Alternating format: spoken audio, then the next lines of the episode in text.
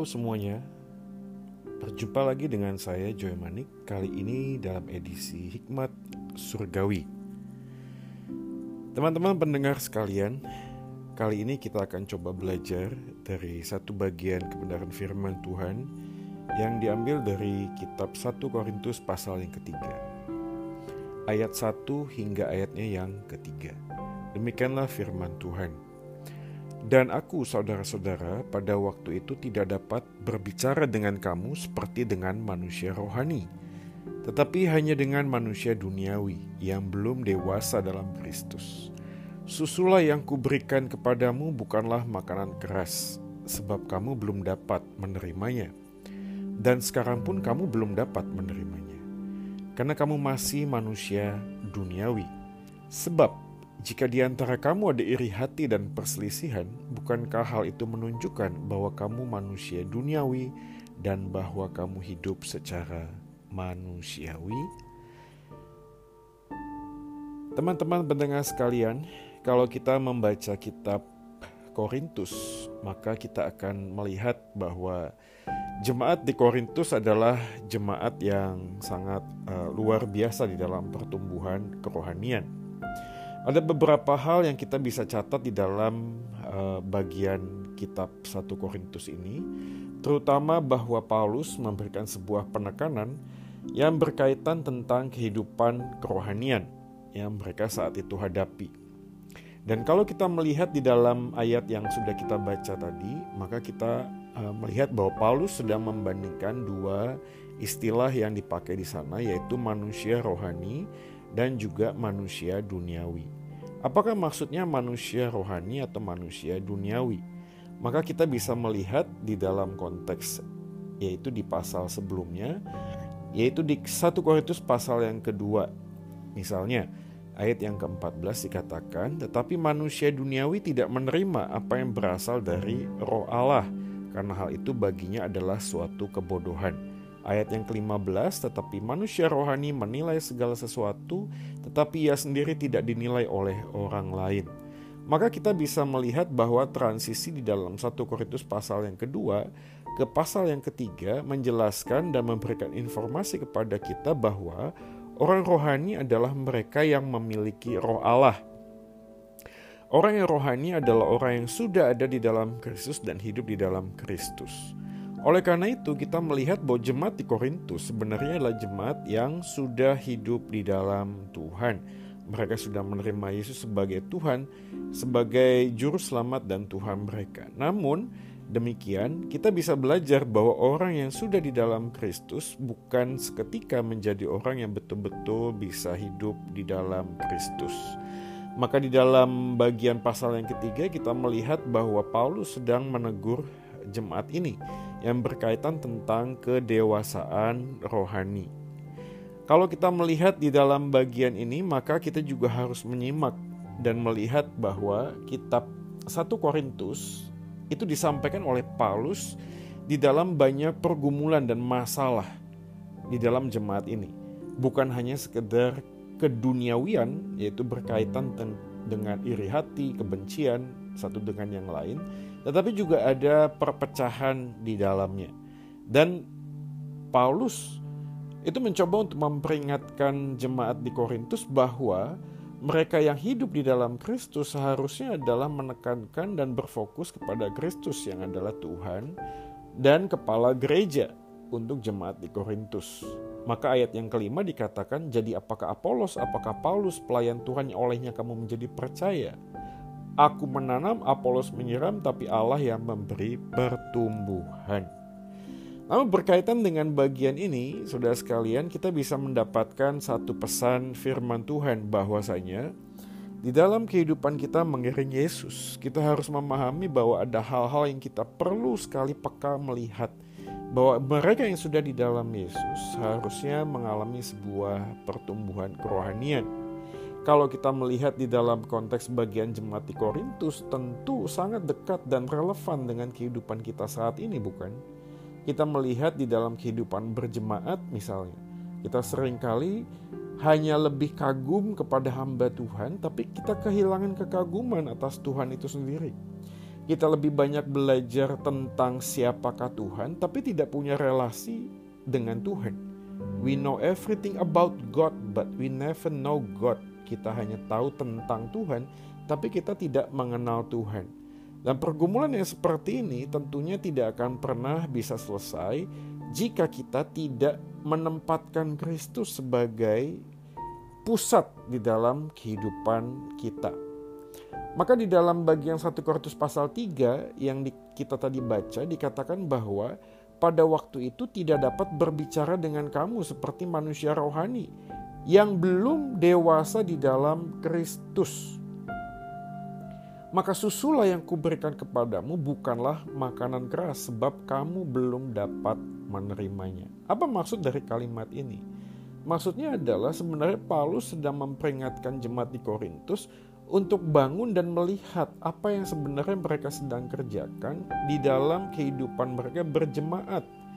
Apakah uh, kehidupan Kristus, apakah sifat-sifat Kristus itu menjadi bagian di dalam kehidupan mereka menata dan melihat masa depan mereka pada waktu mereka hidup berjemaat maka teman-teman pendengar sekalian, hari ini kita perlu untuk memikirkan ulang kehidupan kedewasaan kerohanian kita. Jangan sampai kita ini hanya hidup di dalam sebuah ritual agama, tetapi kita kehilangan tentang esensi kebenaran firman Tuhan itu sendiri. Kita ini tidak hanya sekedar uh, mengerti, memahami tentang firman, tetapi seharusnya juga kita itu semakin hari semakin hidup di dalam Kristus. Nah ini yang menarik. Kalau kita ilustrasikan hal yang sederhana misalkan, kita tahu andai kata ada seorang wanita yang tubuhnya sangat gemuk. Tentu pada waktu kita berdiskusi dengan wanita kata atau pria yang badannya gemuk dan mereka merasa mereka sangat terganggu dengan tubuh yang gemuk, maka kita bisa bertanya, apakah tubuh yang gemuk itu baik? Mungkin jawabannya tidak baik. Mereka tahu, mereka sadar bahwa kalau tubuh terlalu gemuk, obesitas, maka akan menimbulkan potensi sakit yang lebih besar. Dan kalau kita bertanya apakah mereka tidak tahu cara untuk bisa menurunkan berat badan, jawabannya mereka pasti tahu. Tetapi apa yang terjadi? Pengetahuan mereka terhadap sesuatu yang baik tidak serta-merta membuat mereka melakukan apa yang mereka tahu. Kedewasaan rohani yang ditekankan oleh Paulus di dalam jemaat di Korintus sesungguhnya adalah bagian teguran karena jemaat di Korintus seharusnya sudah makan makanan keras. Tapi mereka selalu minum susu karena mereka terlalu nyaman dengan kehidupan berjemaat yang mereka sedang jalani hari lepas hari. Dan tentu saja hal tentang kedewasaan rohani ini bukan hanya terjadi di Korintus, katakanlah di jemaat penerima surat uh, Ibrani misalnya di dalam Ibrani pasal 5 ayat 12 sampai 14 penulis kitab Ibrani juga menekankan tentang seharusnya mereka sudah makan makanan keras tetapi mereka masih memerlukan susu.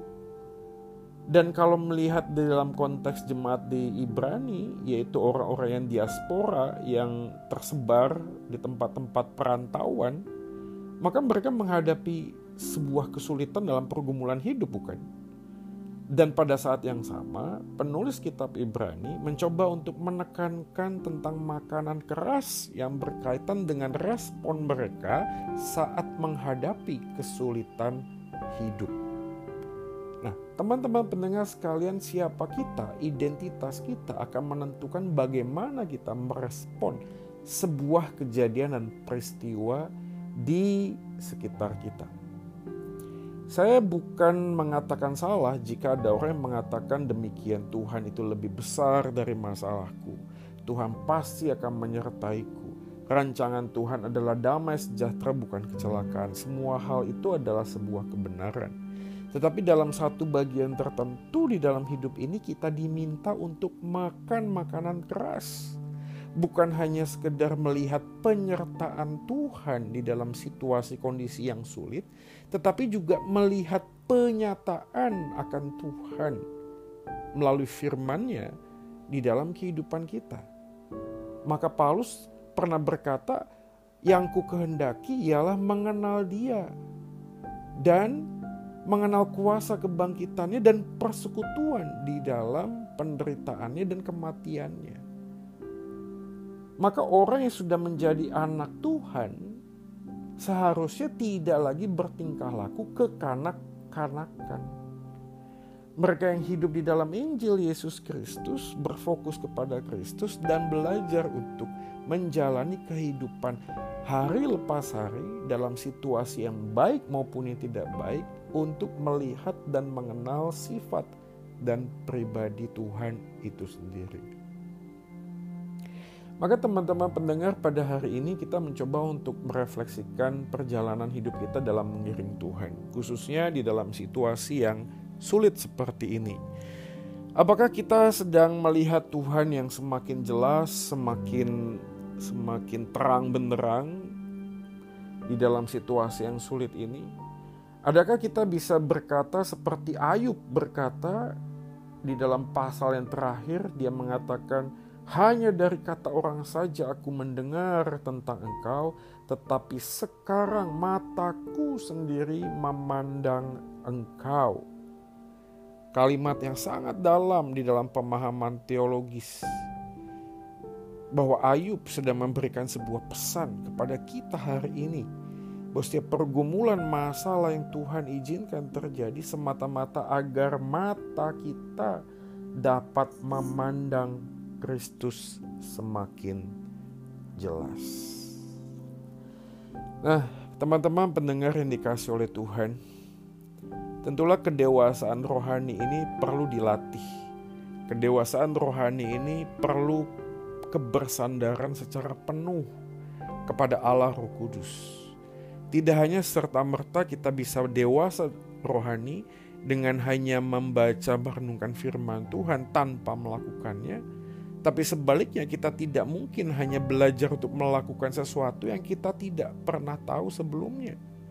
Maka pengenalan akan firman Tuhan menjadi dasar yang menjaga motif dan tujuan kita untuk kita bisa melangkah di tengah-tengah situasi yang sulit seperti ini untuk belajar makan makanan yang keras belajar untuk memahami siapa Kristus yang sesungguhnya di dalam kuasa kebangkitan dan kematiannya. Belajar untuk memandang Kristus yang adalah Tuhan yang mulia, mau merendahkan diri menjadi sama dengan manusia, menjadi hamba bahkan taat sampai mati. Mencoba untuk mencicipi dan menikmati penderitaan Kristus di dalam hari-hari sulit yang sedang kita hadapi. Tidak hanya sekedar meminta apa yang menjadi kebutuhan kita, tetapi kita meminta kepada Tuhan agar menjelaskan, menyingkapkan siapa dirinya secara lebih utuh, secara lebih dalam di dalam pengenalan kita akan Dia. Sehingga kita bisa melihat bahwa keserupaan dengan Kristus itu bukanlah sekedar isapan jempol belaka. Keserupaan di dalam Kristus itu menjadi suatu kerinduan yang sangat dalam ketika kita belajar untuk taat dan setia mengiring Dia, mengenal Dia, dan menjadi sama di dalam kebangkitan, di dalam penderitaan dan kematiannya. Teman-teman pendengar yang dikasih oleh Tuhan, tentu saja situasi yang sulit seperti ini tidak mudah untuk kita hadapi. Yang jauh lebih penting untuk kita melihat adalah apa yang sebenarnya Tuhan ingin untuk kita naik kelas, untuk kita semakin bisa lebih dewasa secara rohani karena siapa kita yang sesungguhnya menentukan bagaimana kita bisa meresponi sebuah peristiwa atau kejadian di sekeliling kita.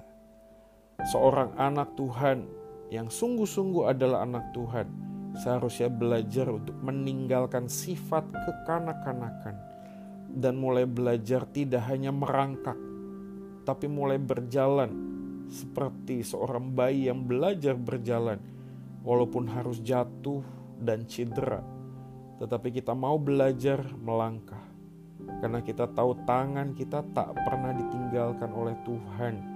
Dia tidak pernah membuang kita ketika kita gagal, tapi Dia selalu mendorong kita untuk tetap bangkit. Kasih Tuhan tak pernah berkurang ketika kita gagal, namun kasih Tuhan tak pernah bertambah seiring kita bisa melangkah semakin baik di dalam Tuhan. Kiranya perenungan malam hari ini menolong kita untuk memahami dan melihat bahwa kita seharusnya melangkah lebih baik, lebih dewasa, mencoba untuk mengambil satu keputusan untuk mengenal Dia lebih dalam lagi, membaca firman lebih dalam lagi, bertanya tentang siapa Dia lebih dalam lagi, dan saya terlalu amat yakin bahwa Tuhan mencari orang yang mau belajar, bukan orang yang mampu belajar. Karena orang yang mau belajar, Tuhan akan menunjukkan bagaimana dia bisa memahami dan mengerti firman Tuhan melalui hamba-hamba Tuhan di sekitar kita, melalui buku-buku bacaan rohani yang menolong kita untuk melihat, melalui semua hal yang Tuhan bisa pakai untuk membawa kita semakin mengenal Dia. Adakah hari ini kita memiliki kerinduan untuk menjadi orang yang semakin dewasa secara rohani?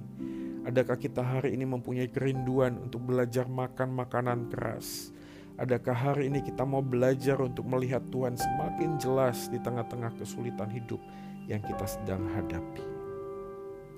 Kiranya Tuhan menolong kita bersama Injil Kristus menjadi fokus pusat kehidupan kita di dalam melangkah di tengah kehidupan yang sementara ini. Soli Deo Gloria Tuhan Yesus memberkati kita sekalian. Amin.